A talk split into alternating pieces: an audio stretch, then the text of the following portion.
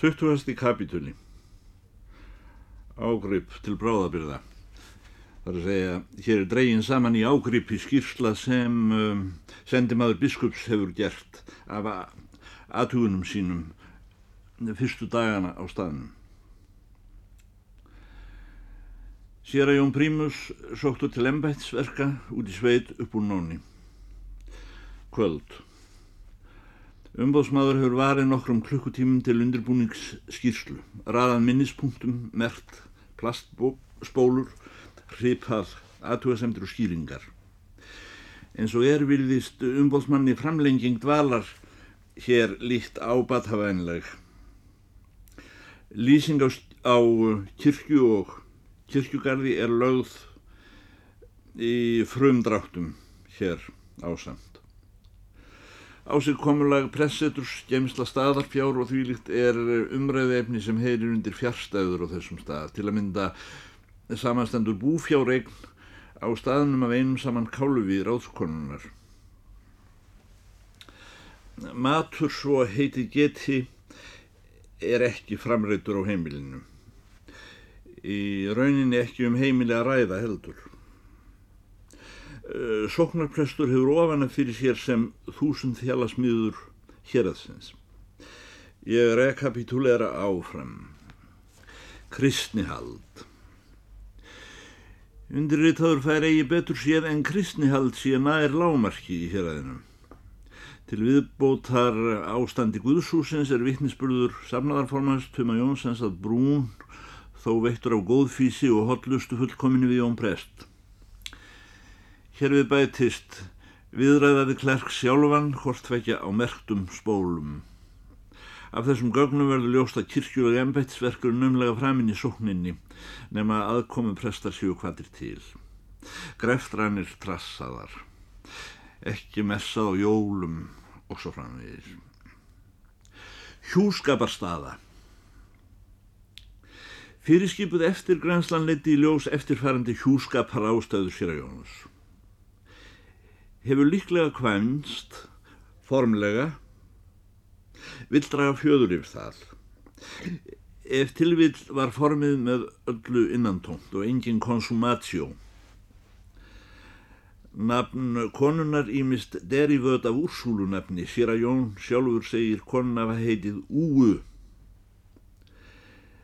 Skeði eða réttar að segja skeði ekki fyrir cirka 35 árum. Hver hjónavíkslu framdi ef framinn var óljóst. Hefur undirritaður umboð til að krefja sóknarprest sagna í engamáli sem aldrei hefur verið ásteitingasteinin að héraðsni utan en hlíti ef ofinbarlega væri upptekið að vera lögreglumál.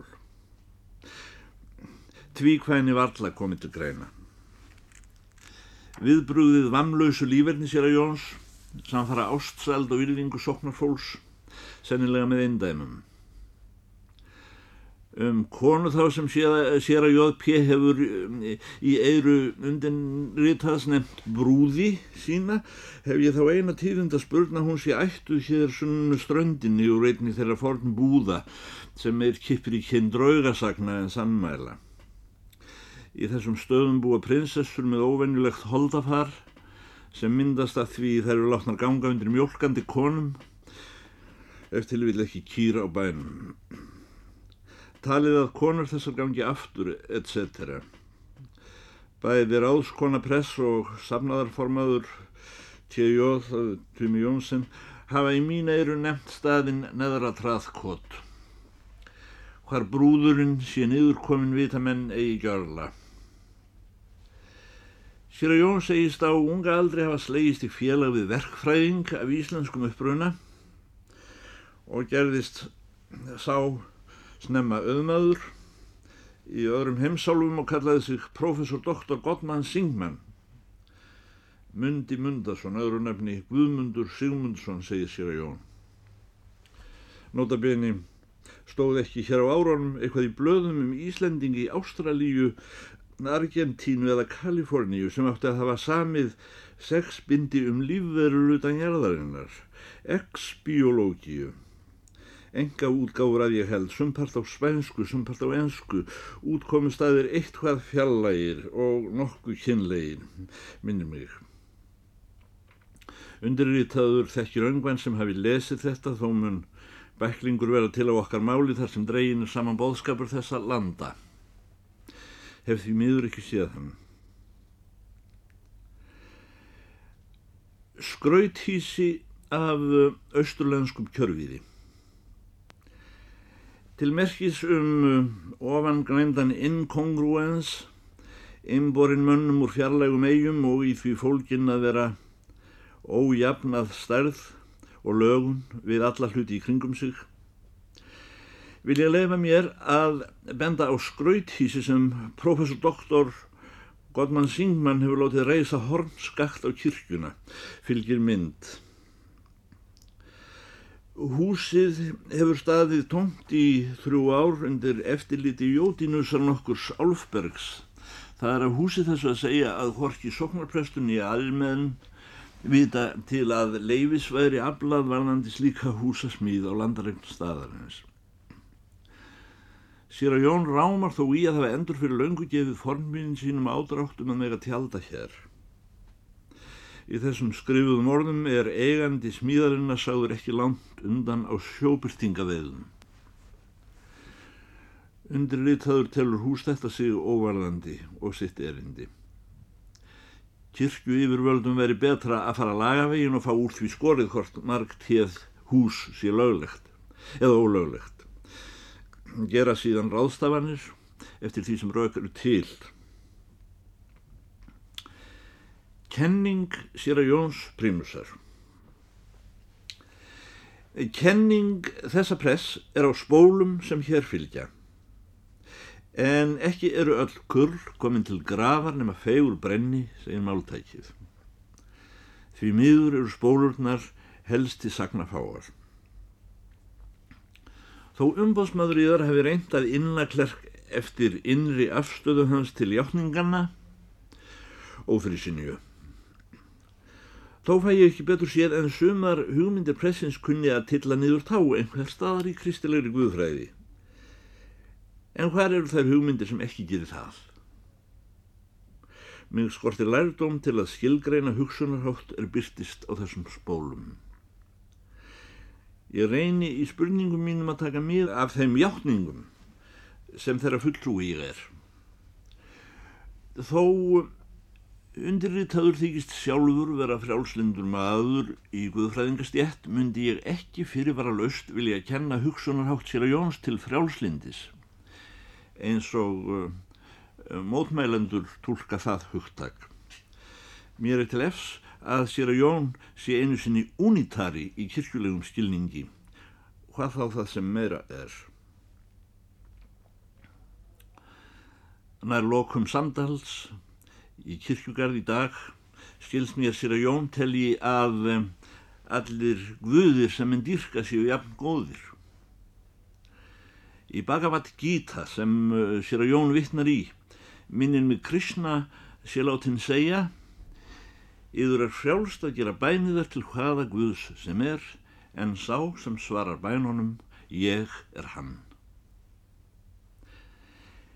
Er það þetta sem uh, sér að Jón á við þegar hann segir að allir guðir séu jafn góðir nema sá guð sem svarar bænunum því hann sé hverki.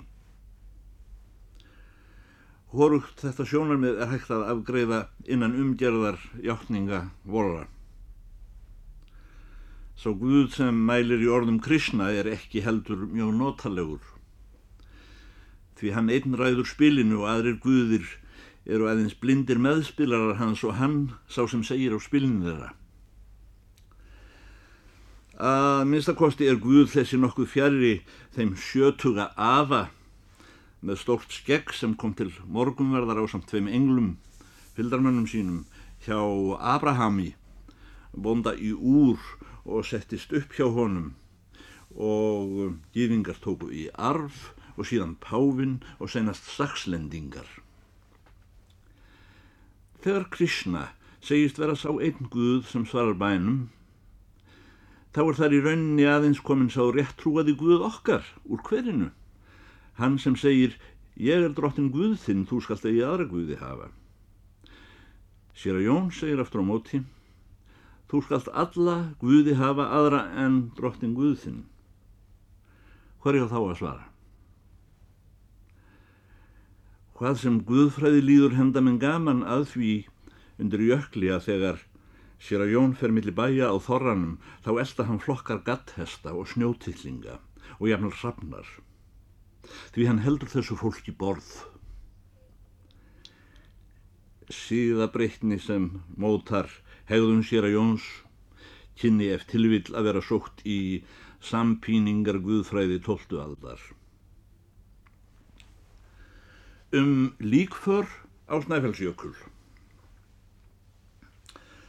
Hort ofangrein för hafi verið farin í blóra við embættið ellegar á þess viðtorði af einhverju leiti um það verst sóknarprestur allra frétta. Safnaðarformaður, herra Tumi Jónsson að Brún, leiðin málið hjá sér. Af doktur formans, miðaldra ekku, fjagst uh, nafn og áritun manns sem kuð hafa farið á jökul í umbóði professors, doktors, syngmanns uh, sem það brúnarfólk kallar veiðimann Um leinileg mannslát undir jökli á þeim tíma sem för þessi á að vera farin eru öngvar spurnir. Allir komist í jörðina með lögulegum hætti sem þangað áttu erindi það sumar eins og endranar þó sér að Jón komið því oft á aðra sem fyrr segir að mæla yfir moldum soknar barna sinna. Enda fólk hér eftir vil líkt skapað og skorið fyrir stóra líkræður þó það sé að öruleiti hilsu gott og langlýft. Rætt við þarfaþrývil grósirans. Grósirans í gæðsalöpum. Umbóðsmaður í þar hefur í dagsegni partin átt orðastæði mann þann er ekki frú Jósefína Jónsson benti á Jódínus Álfberg skáld. Maður þessi virtist vera burgis hér aðsins og ekkur bíl sem er upp á 12 tonn og er á átjón hjólum og slítur vegum á við 35.000 venjulega bíla. Þessi maður virðist af að samvisku í viðkvæmara lægi og bliðast sín niður í tær fyrir þrjá glæpi sem hann situr sig þó ekki úr færi að réttlæta fyrir sér og öðrum sem sé fyrsta að vera verkamaður, annað að vera alþýðumadur og þriðja að vera Íslandingur. Eh, Jódínus Álfberg telur sér hins vegar til gildis að vera skáld. Hann hefur orðt Palisanders kviðu. Hann hvaðst vera umbóðsmaður margnemd Singmans sem hann kallar Gróssjera. Hann sagði að um, sér veri borgað fyrir að þeia en með því hann veri launþegi myndi hann einnig taka borgum fyrir að tala að skilnaði hafði hann þessi orðin mig það er lík í kistunni. En með því hann fekk ekki borgað er eins líklegt að hann hafi ekki farið með staðrindir um, ég til rannsókn þessa máls heyra undir aðra aðilja en umbóðsmann biskups. Undir virðingu biskups embætti sem skipta sér af gróðusögum legg til að kirkjumálaráðunitið afhendi dómsmálaráðunitunum álið með viðegandi greinargerð. Geta þeir í því horni þá beðum láðreglur ansókn fyrir sitt leiti ef þurfa þykir. Að loknum. Undirriðtaður sér ekki ástæðu til öllu lengri tafar á vettvangi með því sem fyrir segir almennir henduleika til gestbeina eru ekki fyrir hendi á þessu pressetri. Eh, frekari uh, reykistefna svo sem snuður eftir döðum mönnum og jöklum gæti verið verkefni handa lögreglunni eða skáðarhefingunni en ósæmandi starfi andlegum yfirvöldum landsins. Auk þess hefur mér skilist að mér væri ekki ætlaðu nema þessi eini dagur um kyrt hér vestra til að ljúka erendi mínu. Áætlunarbíl hérðan á morgun fórdegis 11.45. 21. kapitúli Depisteria það myndi þýða af sikurbakstri Sonning Tviðsvardagsins þykist umbótsmáður hafa fundið fisklikt slá fyrir innan úr gamla bænum, þeim hluta húsins sem enn hefur allaveggi úr torfi. Þessi likt ærir upp sult í gesti sem hefur ekki verið bóðið til borðs af gestgjöfum allan daginn. Skildi frökinn er það fisk í laumi? Höldu fisk? Síðla kvölds um það bíl sem umbáðsmaður í þar hefur raðað atriðum skýrslusinnar og tekið saman efnið í stuttum áli sjá kabla næst hér á undan um, þá stendur fröken Nallþóra í dýrum gestaherbyrgis svo segjandi gerið svo vel, má ekki bjóður dölítinn kaffisopa erfitt að gefa upp vonum að kannski sé fiskur líka og þó ekki verið um að bröðbytti Undirritaður gengur til gestastofu á eftir frökenninni. Því miður engin fiskur. Borðið var tví elleft, þó ekki í merkingunni tvísarsinnum ellifu, heldur eins og hefðu jötnar um vjelt. Hér stóð það borð saman sem fullt er með nóleik allra krása eins og segir í Máriusögu, að einni krás undanskilinni, ætum mat. Allsnægt að borða þessu tægi veldur með návist sinni samskonar hungur klíu í soltnum manni og holtarætur og harðasæjur hafa án efa gert í hallærum á Íslandi til forna.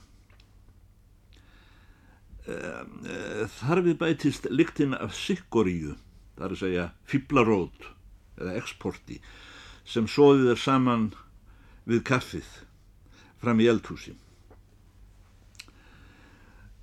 Þó er sjónarmunur á því hver dreigið hefur úr nótkun skjannalegra lítarefna sætabröðsins síðan í gerðkvöldi. Kökur voru nú ekki aðeins þurrari og þrifalegri en fyrr, heldur á byrjuð sæmileg þáttaka af líðræðislegu meðlæti til að mynda gýðingakökur sem eru heldur niprar í sköpulagi á móta þykkar og ostra og litlaus blettur úr eggjahvítu og sigri ofan á og minnir á eitthvað uppþórnar sem uh, óþörstir að nefna. Uh, Sömulegis voru kleinur orðnar fjölmennar en höfðu ekki sérst í gæðir og svo alþýðlegar alltaf því klúrar að láfið sjálfa garda að ofbyði velsæmiskendmanna og leiti hugana kleinumóðurinni í Kína sem sagt hefur verið í dagblöðum að nær sé hálfum metra á lengd og samsvari sér að gildleika og þrísnúið upp á hana. Alls hafðu sex nýjar tegundir kakna bæst í hópin síðan í gerðkvöldi. Þó nákvæm lýsing af slíkum mannfagnaði varði ekki skýrslu þessa beinlýnis vil ég ekki láta undan falla að leggja áherslu á þá höfðbreytingu sem síðan í gerðkvöldi eru orðin þar sem nýtt stórmæli hefur nú tekið völd af stríðstertunum. En það eru útlendar fröðkökur, breytar utan með súkulæði. E, þetta er prinspólukeks Samskonar og undirrítuðum stóð til bóða í morgun hjá safnaðarformanninum, sjálflega tilbúið í Pólínalandi handa Íslendingum. Ég vittna um mat þennan til Tuma Jónsens formans. Út af fyrir sig er það ekki smálítið lofum siðgæðið þjóðar, ef bentir á að þegar hún var alveg rík og vissi ekki lengur öðra sinna tal, þá fór hún ekki að dæmi annara ríkra þjóða og átt margvíslegar steikur og posteikur hundags en pipraða páfugla og sunnudögum og drakk það til píment og klarett. Heldur var prinspólukeks það eitt sem hún let sér eftir til að bæta sér í munni eftir blómur og hvalþvesti aldanna. Fröken Hallþóra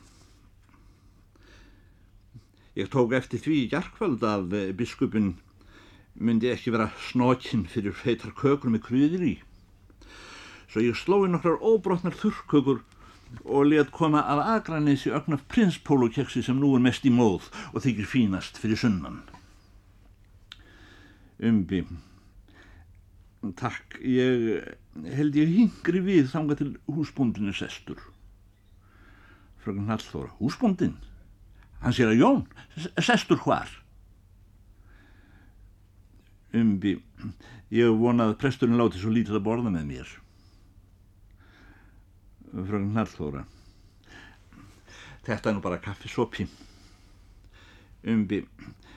Takk en ég er vanur því að drekka ekki kaffi fyrir ná eftir matnum. Fröken Nallþóra hissa. Matnum? Um hvað er biskupin að tala? Umbi. E, til að mynda fisk. Fröken Nallþóra Það hefur ekki verið síður hér undir jökli að bera heldra fólki fisk. Ég ætla ekki að verða fyrst til að bjóða lærðum manni fisk.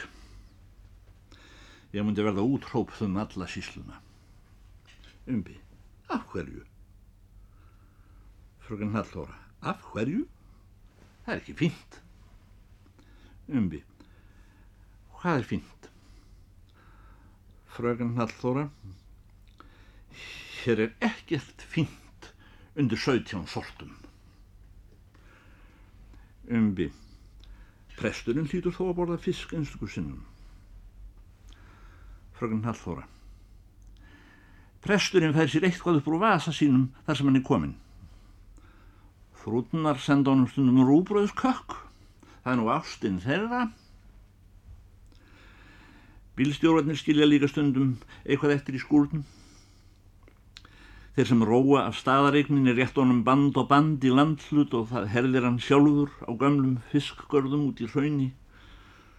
Stundum er að segja flyðru. Sölinn sín þurkar hann á klettónum og vatnir í lækjónum. Það má segja að presturinn lifa á landsins gæðum. Umbi. Sjálfum myndu þér af alla komast hjá því að bræða þetta efni stundum. Svo lítið ber á. Fröken Hallóra hvaða efni? Umbi fisk? Fröken Hallóra það hefur aldrei þótt viðegandi að skára hvem fólk graðgafi í sig fiski á almannafæri hérundur jökli. Fröknin gekk út og ég þóttist sjá að það hefði komið í hana við mig Að þessu sinni stóð hún ekki yfir mér eftir landsið til að reyka ofan í mig bakkelsið en let mig hafa fyrir því einan að klóra mig fram úr þessu. Ef tilvill var þessi tilhugunni framfara átt. Máski gæti ég vænst þess að fá yfirleitisslausan brauðbytta á morgun eða hinn daginn. Ég sá þó eftir að hafa ofbúið skýrlífiskend konunnar með því að nefna fisk. En nú var auðskildar en áður að slík kona hlaut að hafa séð huldur hrút. Sömmulegis að úrsalei og þær frængur uh, höfðu aldrei sérst borða. Uh, 22. kapitúli. Ókennilegur dagramundur. Klukkan uh, 04.15, það er að segja... Uh, fjögur og 15 mínútur að, að morgni.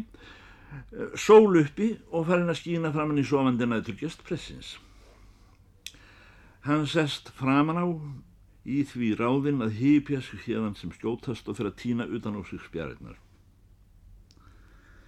tel mér ekki skilt að búa hér við sult og seguru degi lengur vegna málefni sem ég held fáur beri mikinn áhuga fyrir síst þeir sem eru við máliriðinir en það dagur í viðbót ekki líklegur til að auka miklu við daginn í gær um það er varðar hjálpræðis horfur sálna í þessum parti heimsins. Ég fer að láta tæki mín spólur og stenogram ofan í sjópokan í þeirri vonað hafa ekki flægt mér inn í neitt sem eigi eftir að koma mér í koll. Í öðru lagi að ég verði aldrei talin annað en hlutlaus skýrslugjörðarmæður um kristnihald undir jökli. Hafi sér að Jón Prímus flúið bæinn vegna mín, byrja að helsa honum. Ef frökan Hallþóru hefur þótt við mig, sækir ómannúðlegar afstöðu gagvart sætabröði, þá verður hún að bítast um það í sjálfa sig. Teli mig öngum háðan hér á staðanum, vona að svo fari um síður að kálugurinn fái bakkelsið saman við sublið sitt. Ég hef ásett mér að nota morgunin til að ganga fram á björgin í túnfætinum og heyra hvað skeklubyggðin hefur til mála að leggja svo byggð þar sem allt gerist miljónfast á við það sem lesi verður í minniskyldu. Í sjáarbjörgum strandlengjunar sem tún pressins snertir á einum stað og tegir sig fram á bergbrúnina eins og þeir skrifað, þar telur sér að jón miljón skjallur byggja. Eins líklegt sínist mér þó að sjöfaldatölu þessara kvítu íbúa í svörtu bjarginu. Fuglin er almennt sestur upp og farin að eiga og drýta. Kolsvört standbjörgin er hvít. Þeir menn sem munna stórborgum heimsins munu ef að lítið telja sig sáluhólkna að mega sitja hér það sem eftirværi æfinnar.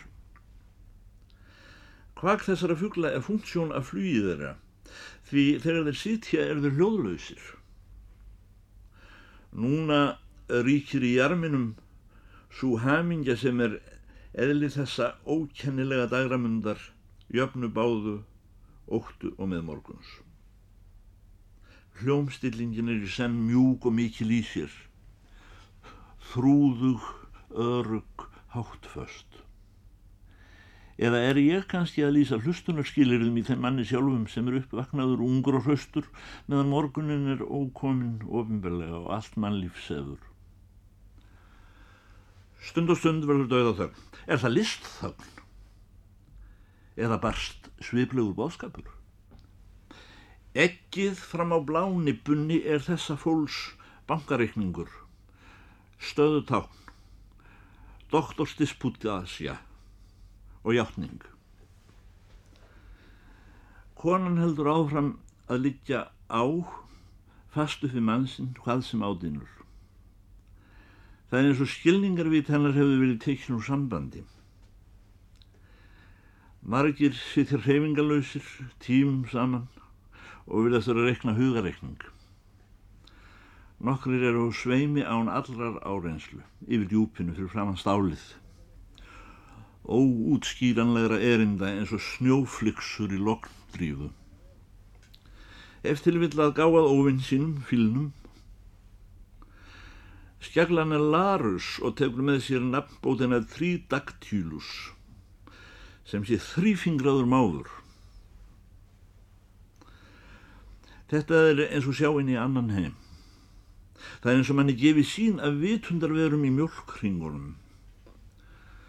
Stundum er verið að lesa upp úr andlausir bók eða halda fyrirlestur, jáfnvel stauta húslestur. Einstöku kettlingar eitthvað að þjarka við sjálfa sig í hljóði á meðan en þegar öllum er um það bíl að líða í brjóst í góða verinu upphefst æfinlega einhver þó líklega ekki allt jæmt þá sami og hefur dottið eitthvað skrítið í hug þar sem hann satt hjá koninni sinni og ekkinu